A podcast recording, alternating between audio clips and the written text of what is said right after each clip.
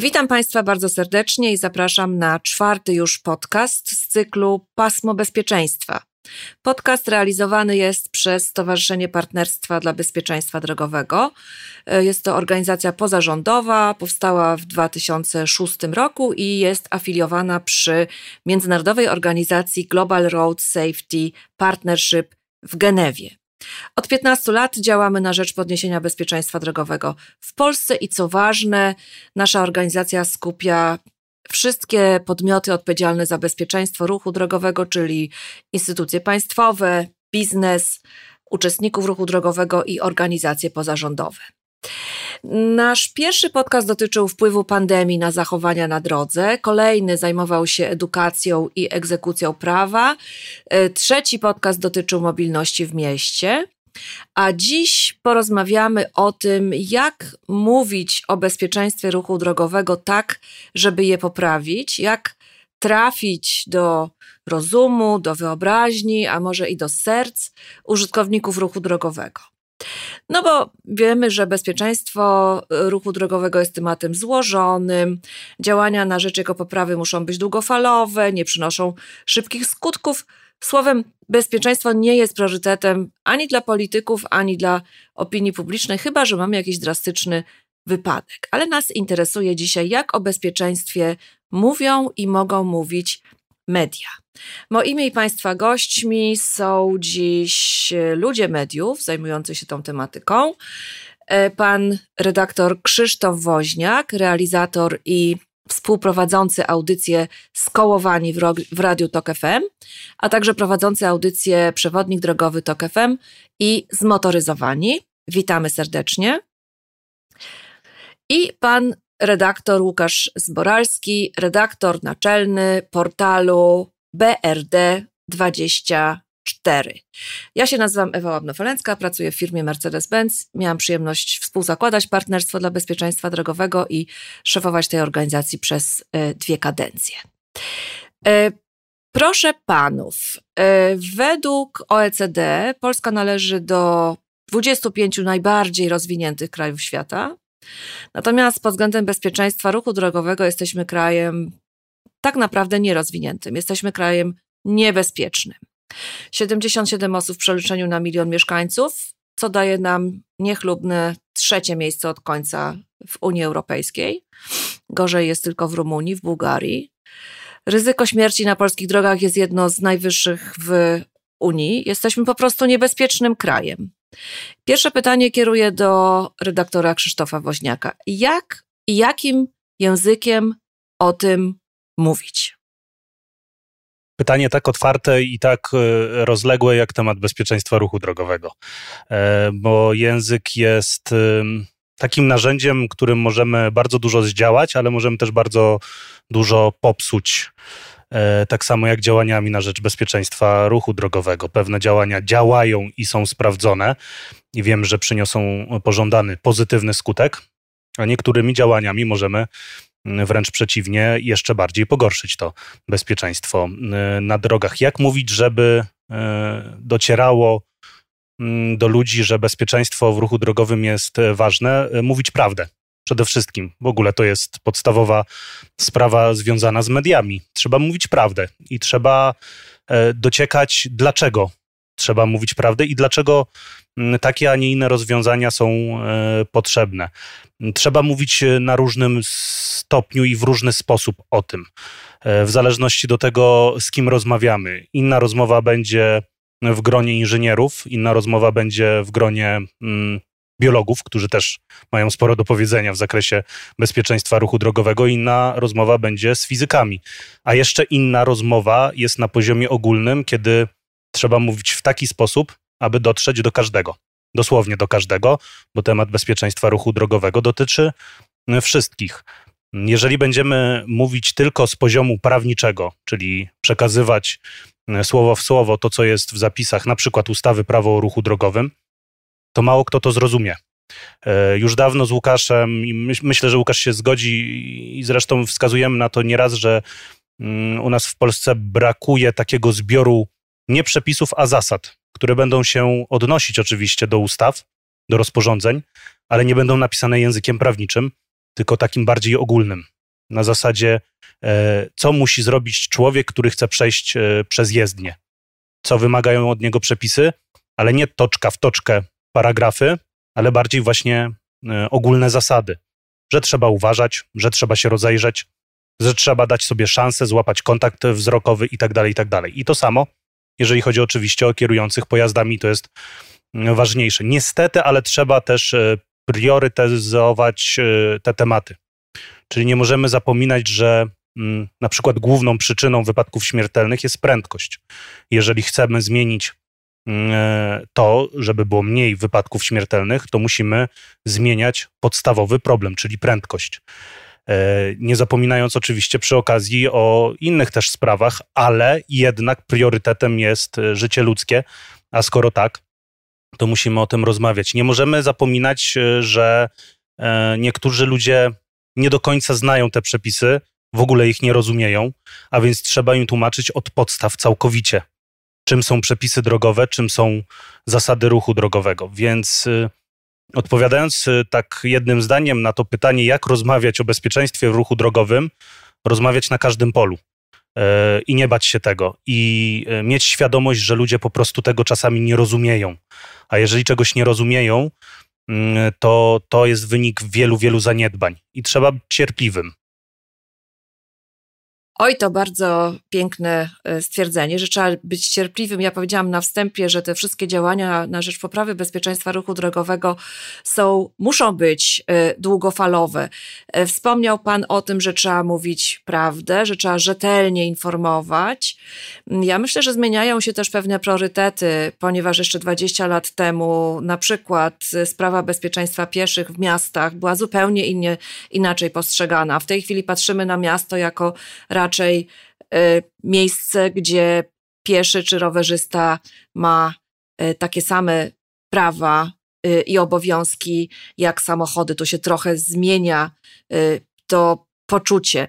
Ale chciałam podrążyć jeszcze trochę ten temat języka. Pytanie do pana Łukasza Zboralskiego. No bo wiemy, Znamy fakty. Wiemy, że w Unii Europejskiej ginie 35 tysięcy osób rocznie, że prawie 2 miliony zostaje rannych, że to kosztuje w samej Unii 130 miliardów euro. Wiemy, mamy te informacje również z mediów, ale pytanie, jak y, uczyć, informować, mamy tą rzetelną informację, ale czy potrzeba też trochę emocjonalnego języka? E, pański portal jest znany czasem z takiego dosyć e, mocnego, emocjonalnego języka, więc czy informacja, czy apele, a może jakiś e, miks? Co pan na ten temat sądzi? Ja rozróżniam dwie takie sprawy, ponieważ pracuję przez 20 lat w dużych mediach w prasie i trochę inaczej, y, znaczy te media też się zmieniły przez 20 lat. E, I tu mamy dwa różne podejścia. E, nadal uważam, że w mediach przede wszystkim rzetelna informacja na ten temat i ta rzetelna informacja jeszcze, jeszcze z tym mamy kłopot. Taki prosty przykład. My wciąż mamy dosyć stabilizowaną relację w mediach dotyczącą wypadków drogowych i mamy to na tym poziomie telewizji, gazet, radia, czyli podajemy informacje o wypadkach, które się wydarzają spektakularnych, albo po prostu jakiś tam zbiór wypadków, taki losowy, no bo to się tam przydarza losowo. Bardzo rzadko dziennikarze odnoszą się do tła, że to już jest któryś w miesiącu, czy któryś w tym miejscu, że to w Polsce już jest tam w ciągu tego pół roku zginęło już tyle osób. Nigdy tego tła nie podają. Moim zdaniem to zaburza u ludzi percepcję, czyli uważają, wyrobiliśmy też przez dekady w ludziach przekonanie, że jak się wydarza wypadek, to jest to bardzo rzadko, bo to bardzo rzadko w mediach się pojawia. A kiedy się wydarza, to już to są spektakularne wypadki, to już jest co najmniej frog, albo ten pan w BMW, który na Sokratesa zabił pieszych. Tymczasem piesi giną pod kołami e, zdecydowanie zwyklejszych kierowców. Oni nie muszą jechać 170 przez miasto. I to pierwsza rzecz. E, druga rzecz, no tak jak mówiłem, media się zmieniają. Ja też staram się w ten sposób podchodzić, że bardzo dużo relacjonujemy badań naukowych, e, danych ze świata. To jest potrzebne jako taki background do dyskusji inaczej wykorzystywanej, czy już między politykami, czy w takiej ogólnonarodowej debacie. To, to było potrzebne, moim zdaniem, taki zastrzyk wiedzy. Natomiast to nie działa też znowu, sama wiedza też nie działa bez stabilizacji. To nie jest tak, że jak będziemy ludziom mówili, że no, statystycznie tam co, co któryś wypadek kończy się zgonem, albo że w sumie 3000 rocznie teraz ginie Polaków, to na nich to nie robi wrażenia. Możemy mówić, że to jest pochłanianie ileś tam procent PKB, a to są trudno wyobrażalne rzeczy dla ludzi. Dlatego w mediach od czasu do czasu potrzebne jest też takie szarpnięcie emocjami, ale, ale z takim tłem później dołożonym te, tej całości. I uważam, że to, to szarpnięcie jest i czasami pisanie bardziej wprost, zwłaszcza przy medium internetowym i social media, to, to, włączamy się w ten nurt, tak jak ludzie naprawdę dyskutują. Oni tak o tych rzeczach mówią i tak z nimi należy tam się spierać i, i tłumaczyć. Wtedy się nawiązuje jakaś taka żywa dyskusja. Jak chcielibyśmy tylko z takiego poziomu starodawnych mediów przedstawiać jedynie fakty i zostawiać je bez y, odrobiny nawet komentarza i później dyskusji też w ogóle z ludźmi na ten temat na forach, no to myślę, że nie, nie, nie, nie, popychalibyśmy takich zmian w kraju, jakie na, następują właśnie po, po dekadach. Bo rzeczywiście jest coraz lepiej, tylko bardzo długo ten proces e, trwał. No właśnie bardzo słusznie zauważył Pan brak tego tła przy informacjach o, o wypadkach i E, większość ludzi, tak jak Kubuś Puchatek, uważa, że wypadek to jest coś, czego nie ma, dopóki się e, nie wydarzy. I to wstrząśnięcie, takie, mm, takie poruszenie, właśnie może chyba też trochę emocjonalne. Pamiętam, e, robiliśmy w, pod koniec Mm, pierwszej dekady jako Partnerstwo dla Bezpieczeństwa Drogowego taką serię krótkich filmików i najbardziej wstrząsający był filmik, kiedy e, jest pokazana droga, na tej drodze leży rower, E, obok leży komórka, nawet nie widać, że ktoś z tego roweru spadł, potrącony i w tej komórce ktoś dzwoni na tą komórkę i odzywa się e, automatyczna nagrywajka. E, cześć, tu Marcin, oddzwonię za chwilę, a widz już wie, że prawdopodobnie ta osoba nie oddzwoni. Dlatego pytam o te mm, o te emocje, Y, I trochę też, to pytanie dla, do pana redaktora Krzysztofa Woźniaka, y, też chcielibyśmy trochę się dowiedzieć o odpowiedzialności mediów. Akurat pań, panowie obaj jesteście y, ludźmi, którzy mają media dedykowane temu tematowi, ale gdzie leży ta odpowiedzialność mediów? Za stan, czy też nawet nie za stan bezpieczeństwa, tylko za nasze postrzeganie stanu bezpieczeństwa w ruchu drogowym? Leży tam, gdzie leży odpowiedzialność w ogóle mediów. Y, akurat tej tematyki y, nie można jakoś y, obok postawić, że, że bardziej odpowiedzialnie muszą media informować o wypadkach drogowych niż na przykład o systemie mm, edukacji albo zdrowia. No, bezpieczeństwo ruchu drogowego też jest pewnego rodzaju systemem, a raczej niebezpieczeństwo, więc y, odpowiedzialność leży dokładnie w tym samym miejscu, gdzie w ogóle odpowiedzialność mediów za przekazywanie informacji i kreowanie y, dyskusji na jakiś, y, na jakiś temat. Mm, ja się tylko odniosę do tego, co Łukasz powiedział, że tak, emocje są niezwykle potrzebne w przekazywaniu pewnych informacji, ale one też mają granice i muszą mieć granice. E, I to też jest y, zresztą potwierdzone naukowo przez psychologów, że w pewien sposób to, co się dzieje w teraz coraz bardziej popularnych social mediach mm, i ta dyskusja, która e, często przekracza granice merytoryczności, jest argumentem siły bardziej niż merytoryki, ona się później przenosi też na drogi. Nie możemy o tym zapominać, że w pewien sposób e, zaczynamy się nienawidzić w rzeczywistości przez to, co się dzieje w mm, świecie internetu, przez to, jak dyskutujemy. I ta polaryzacja y, pomiędzy uczestnikami ruchu drogowego też trochę wynika z tego, że oni się kłócą w internecie. Y, obrzucają się inwektywami przeróżnymi. To wystarczy wejść y, pod komentarze jakiegokolwiek informacji o wypadku drogowym. Tam czasami jest, za przeproszeniem kolokwialnie to powiem, sieczka całkowita, wyzywania się, wręcz życzenia sobie śmierci. E, niejednokrotnie są komentarze, które mówią, a szkoda, że tych pieszych ten człowiek nie przejechał, to by się nauczyli. Nie, nie nauczyliby się, nikt by się tego nie nauczył, z tego czegokolwiek. To nie o to chodzi. E, tak samo jest pomiędzy kierującymi a rowerzystami. E, jest jakiś olbrzymi podział, który często właśnie w dyskusjach w internecie, a to są media, social media są mediami, mm, pogłębia się, więc gdzieś ten poziom, ta granica tych emocji powinna być przez media, przez operatorów, przez, y, przez ludzi, którzy zarządzają różnymi stronami, jednak wyznaczona. nie powinno być tak, że można powiedzieć, co się chce. Y, niekoniecznie nieprawdę, tylko można powiedzieć prawdę, ale w taki sposób, który będzie odebrany w bardzo negatywny sposób. Więc to też y, trzeba umiejętnie robić. Ja pewnego czasu po rozmowie z psychologiem transportu przestałem wrzucać na profil skołowanych na Facebooku informacje o wypadkach. Takie tylko informacje, że tego i tego dnia zdarzył się taki i taki wypadek bo zauważyłem, że y, jako osoba, która sama to wszystko robi, nie jestem w stanie ogarnąć komentarzy. E, więc i to, co się też działo na profilu skołowanych, mnie czasem przerażało. Więc postanowiłem po prostu tego nie robić, bo właśnie psycholog mi powiedział, że pewne rzeczy przenoszą się później w, w, do realu, do, na drogi, ta nienawiść. Bo jeżeli ktoś mi powiedział na przykład z pieszych w internecie pod dyskusją, że jestem taki i owaki, to ja się później zemszczę na jakimś pieszym a przynajmniej mogę tak zrobić. Jest takie prawdopodobieństwo. Więc ten system edukacji też się odbywa w mediach i tu jest ta odpowiedzialność, żeby oczywiście pokazywać emocje związane z jakimś tematem, ale żeby sobie wyznaczyć jednak pewne granice co do tego. No i żeby ta informacja przede wszystkim była rzetelna, a później emocjonalna w pewien sposób. To oczywiście można połączyć. To są szkoły, które pokazują, w jaki sposób to robić.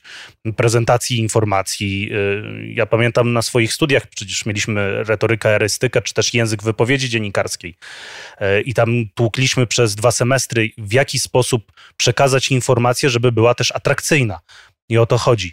No ale nie możemy zapominać, że jednak ona wpływa na ludzi w dużym stopniu. To jest olbrzymie pytanie, czy media kreują rzeczywistość, czy rzeczywistość kreuje media? Gdzieś jest pośrodku ta prawda, jak zwykle. Ja uważam, że to jest e, nie do końca prosta droga. To nie jest tak, że jak pozwolimy ludziom dyskutować albo pokażemy im wypadek, to oni tam będą na siebie, e, na siebie warczeć, ale tak naprawdę w życiu tego nie robią. Nie, moim zdaniem internet jest odbiciem takich relacji, tylko dużo prościej im wyzwalać te emocje, bo nie stoją twarzą w twarz, a tak naprawdę piszą to, co myślą. I ja podchodzę do tego z drugiej strony. Właśnie bardzo dobrze. Umieszczam czasami wypadki. To zwykle akurat w trendzie ostatnio przy dyskusji o pieszych pokazywaliśmy różne tam filmy, czy tam zdarzenia z przejść dla pieszych pieszych, bo to jest znowu z kolei w policyjnych statystykach e, czy w policyjnych kronikach, bo my tylko stamtąd mamy większość informacji. To jest taka informacja, e, która nieczęsto się pojawia i wiele z tych wypadków nie jest tam rejestrowanych, tylko jakieś losowo od czasu do czasu. No jak zacząłem, ja pokazuję takie wypadki, rozpętuje się bardzo emocjonalna dyskusja, ona jest mi potrzebna do tego, żeby w tej dyskusji później spokojnie, krok po kroku, opierając się na faktach, e, sprowadzać tych ludzi do zrozumienia tego, że błądzą. I to bardzo często przynosi skutek. Czasem nie, ale jak się z ludźmi spokojnie spokojnie rozmawia i te wszystkie ich e, e, emocje się odziera i tłumaczy im krok po kroku, dlaczego tak było i kto, kto naprawdę jest temu winien, no to dochodzi się do, dzięki tym emocjom dochodzi się do jakiegoś tam zrozumienia albo wytłumaczenia. I, i chciałem zauważyć jeszcze jedną rzecz, że jak wspomniałeś o odpowiedzialności mediów, to, to dzisiaj ta odpowiedzialność mediów wydawałoby się taka pozbawiona e, emocji relacje. Przeczytaj sobie takie niektóre, zresztą znasz na pewno, e, dosyć duże portale internetowe, informacyjne, które mają swoje działy motto. I co tam? Oni potrafią wypisać w nagłówku po wypadku, jak zafałszować rzeczywistość, jak e, od, ob, obedrzeć z winy na przykład kierujących pojazdami, ewidentnej winy, no, no, to, jest, no to jest dla mnie największa manipulacja ale to jest prawda, ale to jest, to jest trochę co innego niż ja mówię. To, mhm są, wydaje mi się, y, dwa tematy w tym. Jedna to jest sposób, w który same media informują o jakimś zdarzeniu, i on jest często zakłamywany, owszem, i na przykład y, jestem przeciwnikiem tego, żeby mówić, że samochód potrącił pieszego albo rowerzystę, albo samochód wjechał w inny samochód. No nie, no dążymy do tego, żeby pojazdy były coraz bardziej autonomiczne, chociaż one są coraz bardziej autonomiczne, odkąd powstały. E, to też jest ciekawy temat, ale no jednak dalej to człowiek e, kieruje tymi pojazdami. Więc jeden temat jest to, jak media w ogóle przedstawiają sprawy wypadków drogowych, czy też w ogóle tego tematu bezpieczeństwa ruchu drogowego, a druga sprawa jest taka, w jaki sposób są później odpowiedzialni, odpowiedzialne osoby, które e, dystrybuują tą, e, te informacje i to, co się tam dzieje. Ja pamiętam też kolejny przykład dyskusji na temat wypadku drogowego, która się pojawiła na stronach policji. Policji, oficjalny profil policji na, fej, na Facebooku. I tam, co się działo, to, to naprawdę można byłoby podpiąć pod e, paragrafy, za które się idzie do więzienia. Zabijecie, jak ja bym cię spotkał na drodze, to bym cię przejechał od razu i byś się nauczył.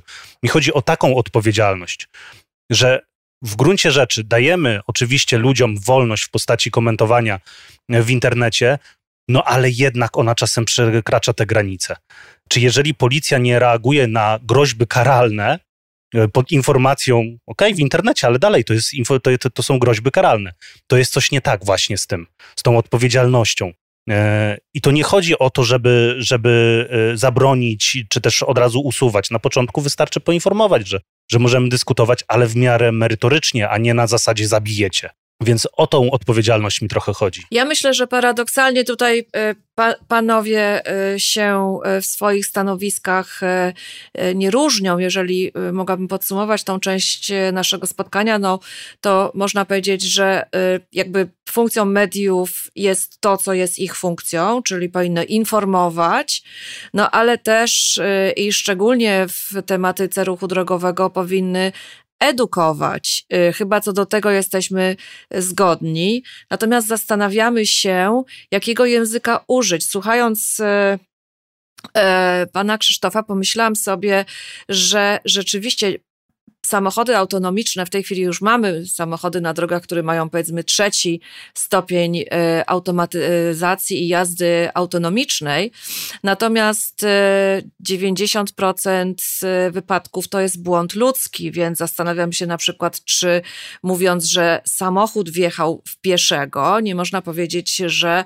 nie wiem, 30-letni kierowca wjechał w pieszego. To już jest e, jakby trochę inna informacja. Chodzi mi ciągle jeszcze o ten rodzaj... I to rodzaj... też jest nacechowanie już jest emocjami, że to człowiek zrobił, a emocje tak, są w właśnie. ludziach. I na prawda? pewno Bo jeżeli powiemy macie... tylko, że samochód, Państwo macie na pewno dużo takich przykładów, więc dlatego chciałam jeszcze troszeczkę podrążyć ten, y, ten temat tego rodzaju y, narracji medialnej.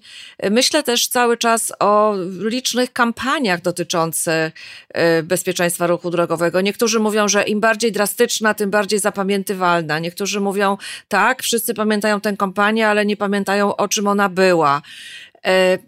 Jaki rodzaj, pytanie do Łukasza Zboralskiego, jaki rodzaj tej narracji? Wiemy już rzetelnie, musimy informować, musimy czasem trochę dodać y, emocji, ale jakie, jaka narracja medialna Pańskim zdaniem najskuteczniej wpływa na percepcję i na zachowanie urzędników? Nie tylko na percepcję, też na zachowanie urzędników, użytkowników ruchu drogowego. Może panią zaskoczę, ale dla mnie to jest sprawa zupełnie drugorzędna, ponieważ kampanie nie zmieniają naszego życia. Możemy mhm. wygłaszać ich mnóstwo, możemy mówić mnóstwo mądrych słów.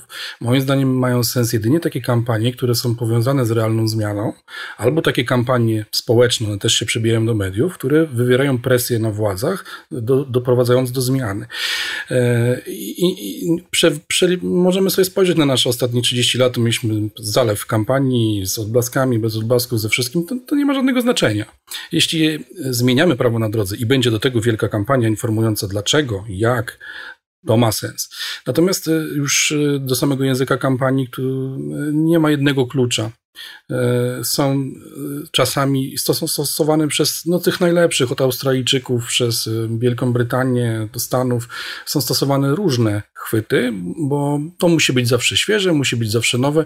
Nikt nie, na nikogo też nie będzie działało, jeśli od 30 lat pokazujemy tylko drastyczny wypadek. Czasami, tak jak Czesi, dopasowując to do własnej mentalności, pokazujemy wyścig trumien na cmentarzu, kto będzie pierwszy i to jest, i, i to jest groteskowe i to też działa.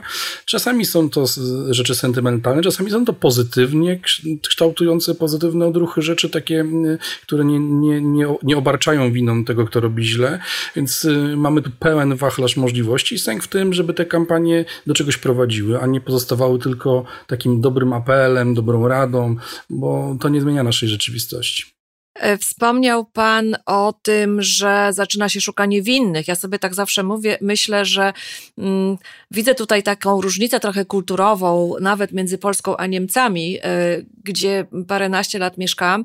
E, w Polsce, jeżeli jest jakiś problem, czy wyzwanie, y, czy trudność, to się szuka winnych.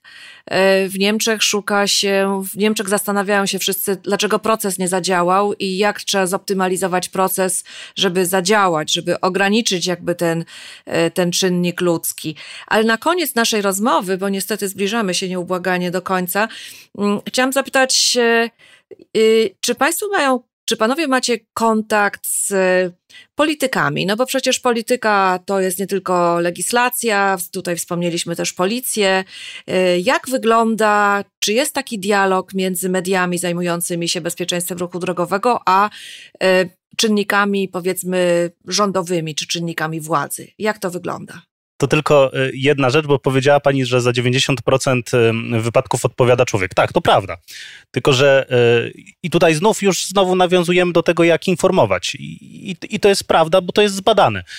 Tyle, że to, co człowiek robi, to jest wynikiem zaniedbań nie tylko te, naszego podejścia, czyli tego, co my zrobimy w danym momencie, ale to jest, y, to jest wynik zaniedbań systemowych, więc to też warto podkreślić, że my się na drodze zachowujemy w pewien sposób dlatego, że przez wiele lat było była olbrzymia liczba zaniedbań w zakresie infrastruktury, edukacji, prawa i egzekwowania. To jest wynik. Nasze zachowanie na drodze to jest wynik czegoś. Więc to tylko tak yy, dopełniając tę informację. To zależy z którymi politykami i czy y, komu na tym zależy i w jaki sposób. Ja pamiętam swoją ostatnią e, rozmowę z Jerzym Polaczkiem, to był e, kiedyś minister transportu. Przypomnę, teraz był posłem sprawozdawcą e, nowelizacji, która została przegłosowana przez parlament. Czeka na podpis prezydenta 1 czerwca, wejdzie w życie. Chodzi oczywiście o te przepisy związane z ustępowaniem pierwszeństwa pieszym wchodzącym na przejście dla pieszych. Ja panu ministrowi zadawałem bardzo konkretne pytania i on nie odpowiadał na nie. I to też jest problem mediów, że my, y, i tutaj się przyznaję, my trochę pozwalamy politykom na nieodpowiadanie na konkretne pytania. Y, przykład, y, przykładów jest olbrzymia liczba.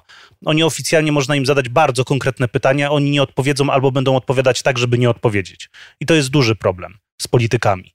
Więc czy mamy kontakt z politykami? Tak, oczywiście musimy mieć ten kontakt z politykami. On, on jest niezbędny w mediach. Znaczy, politycy kreują nasze prawo, więc my musimy z nimi mieć kontakt.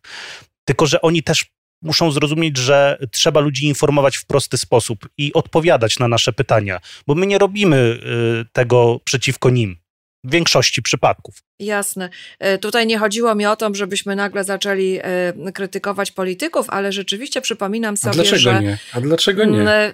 Tak, panie Łukaszu. Pański portal jest czasem bardzo krytyczny i bardzo dobrze. Ja tylko chciałam powiedzieć, że kiedyś rzeczywiście byli ludzie w parlamencie i w rządzie, którzy e, zajmowali się tą tematyką. Pamiętam, że na początku partnerstwa myśmy przed każdymi wyborami robili takie spotkanie z politykami i mówili, co ta twoja partia, co twoje ugrupowanie chciałoby poprawić, jeżeli chodzi o bezpieczeństwo ruchu drogowego. Ale pan Łukasz Zboralski się ożywił, to bardzo proszę. Dwa słowa na temat tego dialogu. No może powiem, powiem od zewnątrz i od wewnątrz. Dobrze. Od zewnątrz to wygląda tak, że ja uważam, że polityków trzeba i należy krytykować. E, I, I, potem powiem dlaczego, bo to się wiąże z tym od wewnątrz. Czyli na przykład, jeśli w Senacie słyszę, że troje senatorów albo trzech, albo to było chyba w sumie cztery osoby, wy, opowiada strasznie rzeczy oderwane od rzeczywistości. Po prostu bzdury. To ja muszę o tym napisać ludziom i myślę, że to jest w ogóle ro, rola branżowych mediów trochę, bo w dużych mediach nie ma miejsca na takie rzeczy. Śledzenie całego procesu legislacyjnego, bardzo często głosujemy na ludzi, oni potem zasiadają w parlamencie i my nie wiemy do końca, co oni potrafią, jak oni rozumują. Dopiero w szczegółach, jeśli się widzi dyskusję o konkretnych rzeczach, to widać, czy ci ludzie e, w ogóle kojarzą fakty, wiedzą nad czym głosują, mają jakieś zielone pojęcie o tym, co robią i uważam, że moją rolą jest pokazywanie palcem. Pan nie wie, o czym mówi, pani nie wie, o czym mówi. Pani została, czy pan został 30 lat temu ze swoją wiedzą na temat bezpieczeństwa ruchu drogowego, po to, żeby zmieniać w nich myślenie, ale także wymuszać pewne, e, pewne zmiany i to są taką presję przez wyborców też. Oni muszą się dowiedzieć, e, jacy ludzie jakie decyzje podejmują. A to się wiąże z tym jakby odśrodkową rzeczą, że pewnie Krzysztof też i całej kuchni nie ujawnimy. My z tymi politykami rozmawiamy też na ofie i my dobrze widzimy, e, dlaczego w Polsce grzęźnie E, poprawa bezpieczeństwa ruchu drogowego.